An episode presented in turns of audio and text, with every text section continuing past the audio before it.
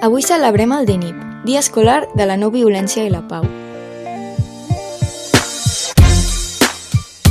I hem parlat amb Antoni Soler, president de Fundipau, Fundació per la Pau, que ens ha explicat la feina que fa aquesta fundació per treballar per la cultura de la pau.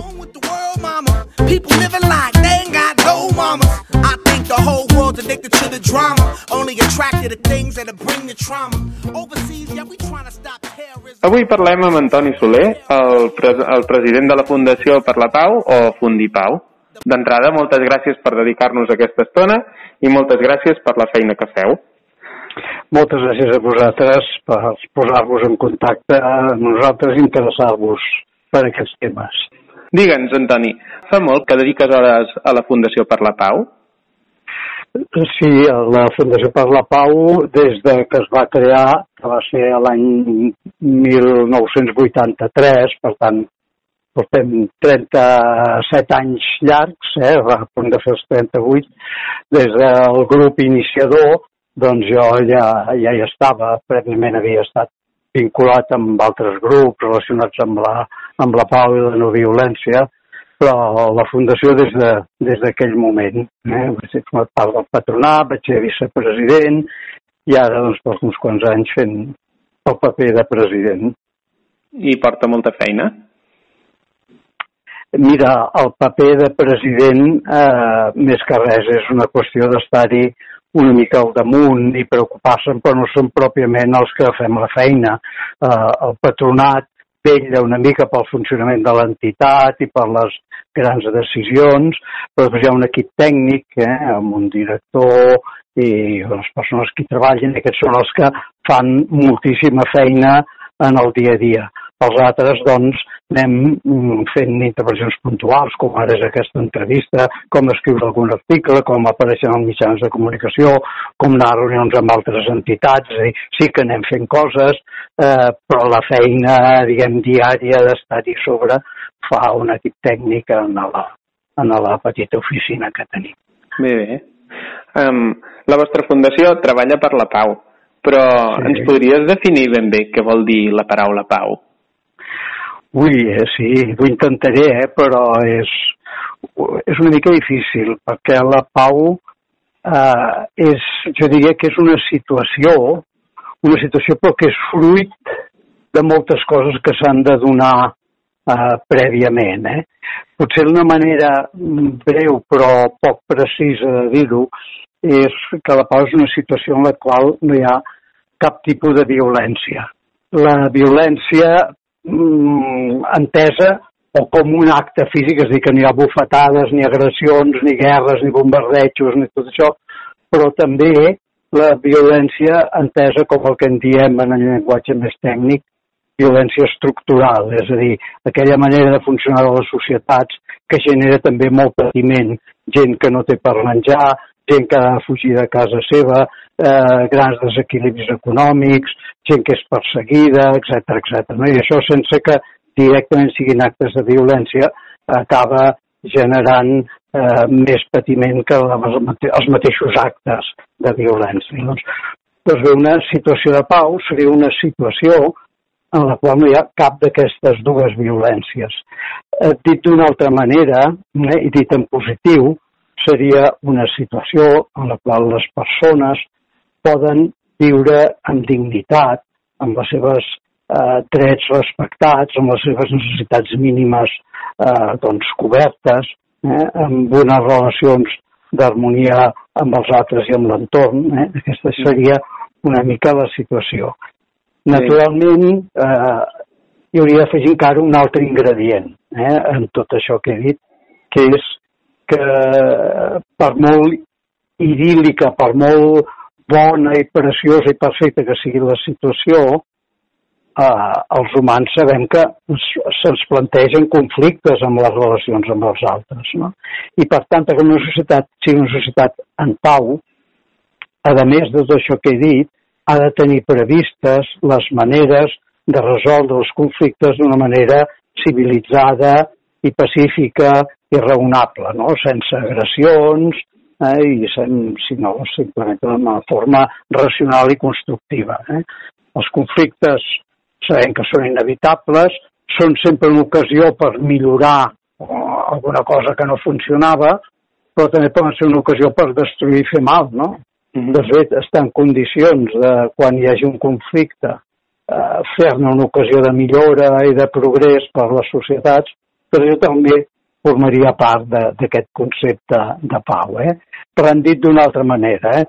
una situació en la que no hi ha violència, una situació en què les persones poden viure eh, harmònicament amb els altres i amb l'entorn, amb els seus drets respectats, i una situació en la qual tenim mecanismes per resoldre les situacions conflictives que es vagin creant d'una manera raonable i constructiva. Mm -hmm. No, no és fàcil, doncs, eh?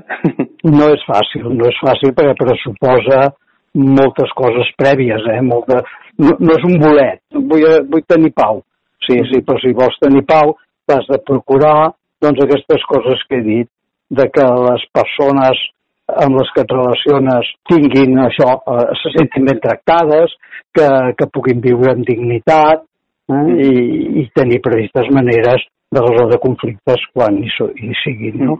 Si el que pretenem és muntar una societat en la que el més fort s'aprofita del més feble, en la que quan hi ha un conflicte doncs ens armem fins a les dents per poder imposar la nostra raó a la de l'altre per la força, doncs bé, pot ser que tinguem temporades en les que aparentment no passa res, eh?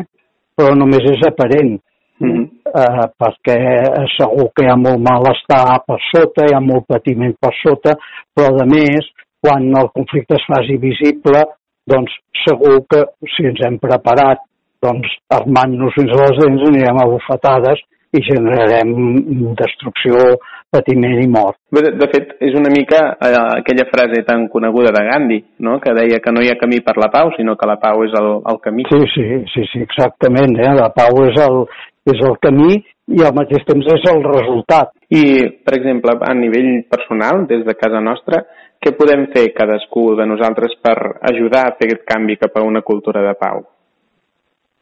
Bueno, hi ha mm, diferents nivells eh, de, de, de coses que podem fer. Un és amb nosaltres mateixos. Conèixer-nos a nosaltres mateixos, tenir autocontrol, ser generosos amb els altres, conreuar eh, totes les virtuts que ens permeten després relacionar-los amb els altres d'una manera eh, justa, bona, eh, equilibrada, respectuosa, etc. No? És a dir, que hi ha tot un tema de valors, que això doncs estan tot això que en diem la no violència, que té una part molt important de treball personal interior de construcció. Després hi ha una altra part que és justament la relació amb els altres. No? Eh, tots tenim persones amb les que ens relacionem dia a dia i no tindria massa sentit que estéssim somiant amb un món en pau quan entre nosaltres ens tractem a patades o entre nosaltres tenim aquestes relacions de domini del més fort s'imposa el més feble o que anem a crits eh, de seguida que alguna cosa se'ns torça, etc etc. No? Per tant, un segon camp és amb les relacions personals amb les persones que tenim a l'entorn de la família, dels amics, de la feina o els companys d'escola o el que sigui, doncs mirar de tenir unes relacions eh, positives, bones, de col·laboració i no de, de domini. Eh? Eh, aquest seria un segon nivell. Mm. Després hi ha un tercer nivell, que és el preocupar-se perquè hi hagi en la nostra societat canvis en les formes de funcionar, canvis en les estructures, en l'organització política, perquè doncs, hi hagi menys situacions conflictives, també d'abús i de domini, i hi hagi també mecanismes adequats per resoldre els conflictes quan, quan aquests apareixin. No? En aquest tercer nivell és, eh, bueno, des de Fundipau intentem influir en els tres, eh, en el canvi personal, en el canvi en les relacions amb els altres i també en els canvis estructurals convenients fer en la pressió política quan convingui. No? Mm -hmm. Perquè, de fet, des de la Fundació per la Pau, um, actualment teniu campanyes actives enfocades cap al desarmament, la desmilitarització, la prevenció de conflictes i el ple respecte dels drets humans, no? Sí, sí, sí, exactament. És dir, nosaltres treballem bàsicament en dues grans direccions. Una primera seria el tema de sensibilització, de donar a conèixer totes aquestes coses, de, de promoure la, la transformació eh, personal i en les relacions, allò que et deia abans, eh? és a dir, fer educació per la pau, eh? aquesta mm. seria el, entesa no només com una cosa a les escoles, eh, sinó cap a la societat en general, i l'altra, com tu dius, doncs, són campanyes d'influència política intentant doncs, promoure el desarmament, promoure noves formes de relació entre pobles i països, etc etc. Eh? Uh -huh. eh, sí que tenim campanyes, per exemple, doncs ara una que ha estat aquests dies una mica més activa o més visible ha sigut la campanya internacional per la prohibició de les armes nuclears, eh, que justament va aconseguir finalment que signés un tractat internacional de les Nacions Unides que les prohibia. Mm -hmm. I aquest tractat ha entrat en vigor justament ara aquest mes de, aquest mes de gener. Per tant, eh, bueno, això aquests dies hem estat, diguem, una mica més eh, mm, pendents d'aquesta qüestió, Eh, tenim altres doncs, de control del comerç d'armes. Tots sabeu que Espanya és eh, el setè mm, venedor d'armes del món, que no és cap tonteria, és molt actiu en aquest negoci de la, de la venda d'armes. Eh? I, I que a més es venen, com ha sortit també moltes vegades als mitjans de comunicació, a països on hi ha violacions flagrants de drets humans, en països que estan implicats en guerres on es cometen actes genocides terribles, mm. i aleshores denunciar això, fer també la pressió política, etc. Tot això, eh, en col·laboració amb altres entitats, és una de les feines en les que estem. Eh? Bueno, aquestes potser són en aquest moment les que estan una mica més actives, eh, però al llarg del temps i segons les circumstàncies, doncs, eh, tenim, per exemple, col·laborem molt també amb el tema dels refugiats eh, i de l'atenció als refugiats, no tant per l'atenció directa, que no seria una missió nostra, com per fer reflexionar sobre les causes i sobre la immoralitat que hi ha al darrere de tot això, etc. I segons els moments ens anem implicant en unes coses o en les altres. No? Mm. Perquè ara actualment sembla que el món s'hagi aturat i que les notícies que ens arriben només parlin de restriccions o contagis o coronavirus o PCRs, no? Però més enllà d'això, sí, sí. um, el món hi segueix havent conflictes uh, actius? I tant, i tant, i tant, eh? N'hi ha molts i, i, i molt sagnants, eh? O sigui, ara per dir-ne un, eh? El del Iemen, amb Aràbia Saudita, que és un dels, de, dels, bueno, és una, teoria una mena de guerra civil allà dintre, però a dintre del Iemen, però amb actors exteriors molt, molt potents que intervenen, eh, és Aràbia Saudita, aquí a Espanya justament ven molt, molt armament, no? Eh, bueno, per dir-ne un, eh, però evidentment que n'hi ha molts altres que estan eh, en funcionament. Eh. Eh, sí que és veritat que de tant en tant apareix això eh, en els mitjans de comunicació, i després desapareix, no? Bé, doncs és veritat que fins i tot en el tema aquest de la pandèmia que estem vivint, també podem observar una mica allò que et deia abans, no? Maneres d'enfocar-ho més, com tu diria jo, més impositives, més autoritàries, amb més presència de l'exèrcit i altres que són més de tenir cura, de, de, de, de tenir, uh, cuidar-nos unes persones a les altres, etc. No? Mhm. -huh. Per tant, aquí mateix, en el mateix cor del tema aquest de la pandèmia, també tenim coses a dir-hi, no? És a dir, com s'ha de tractar això, com ens hem de tractar els uns als altres i, sobretot, el que pot venir després, el que va venint simultàniament, que és aquesta terrible crisi econòmica, no? Tanta gent que en aquesta situació s'està quedant doncs, sense mitjans per sobreviure, com està creixent la pobresa en molts eh, llocs del nostre país i en canvi com es va concentrar en la riquesa. No? És a dir, tot el que hi ha darrere d'aquest procés que és ocasió d'allò que anem violència estructural. Eh?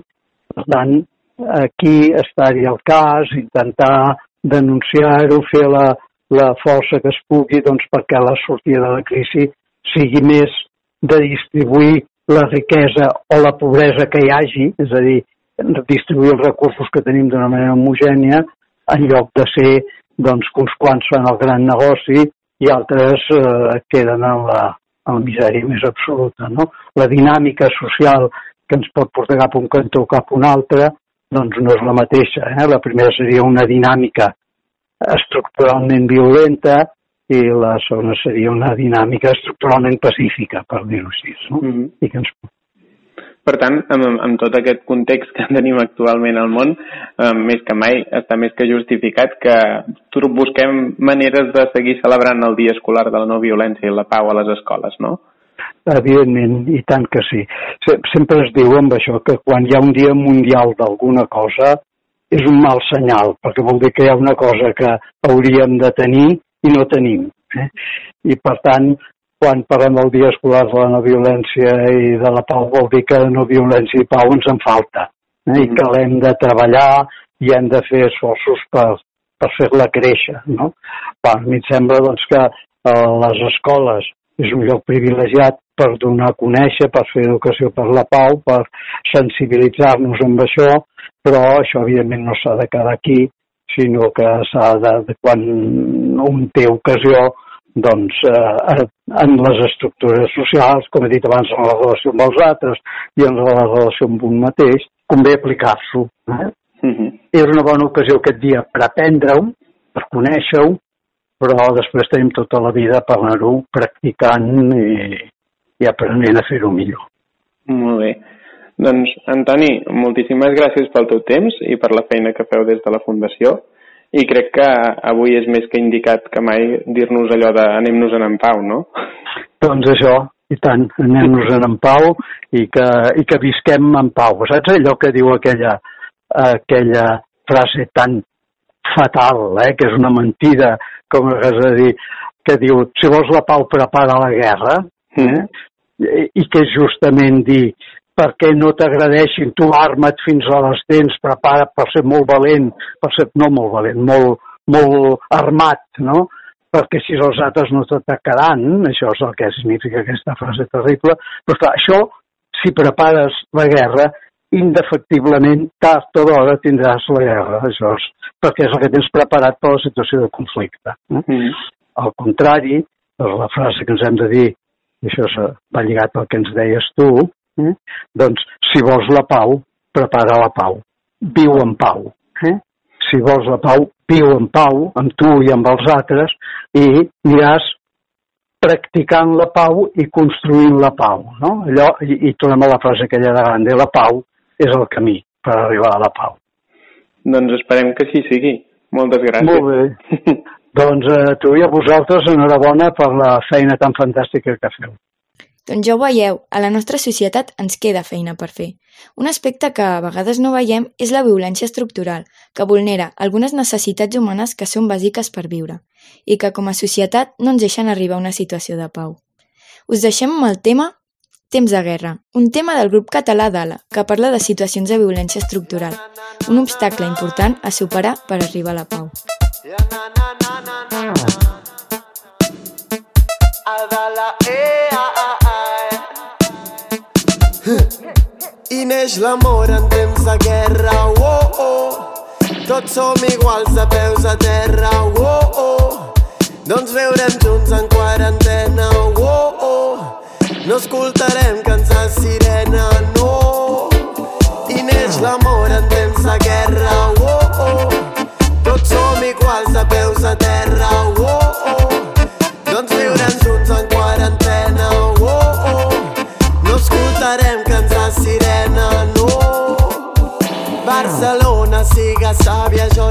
Radical. No caiguis al seu joc de la doble moral. Que si jo lluito és per amor i no per fer-te mal. Que si t'escric és perquè estimo i no et vull desigual Però ens diuen criminal, criminal yeah. I ens deien criminal, criminal I ens diuen criminal, criminal Barababa criminal l'amor en temps de guerra oh, oh. Tots som iguals de peus a terra oh, oh. Doncs viurem junts en quarantena oh, oh. No escoltarem cançons sirena no Que si hi ha gent que passa gana, digue'm que és igual. Consumisme i barraquisme, digue'm que és normal. Que no hi ha guerra, això no passa a la ciutat condal. Que si escrivim cançons d'amor no ens diran criminal. Mentre que ells disparen allà on van, eh? dispararan allà on van, eh? disparen allà on van. Mentre que ells disparen allà on van, eh? dispararan allà on van, eh? disparen allà on van. I neix l'amor en temps de guerra, oh, oh. Tots som iguals a peus a terra, oh, oh. Doncs viurem junts en quarantena, oh, oh. No escoltarem cants de sirena, no. I neix l'amor en temps de guerra, oh, oh. Tots som iguals a peus a terra, oh, oh. Doncs viurem junts en quarantena, oh, oh. No escoltarem cants de sirena, no.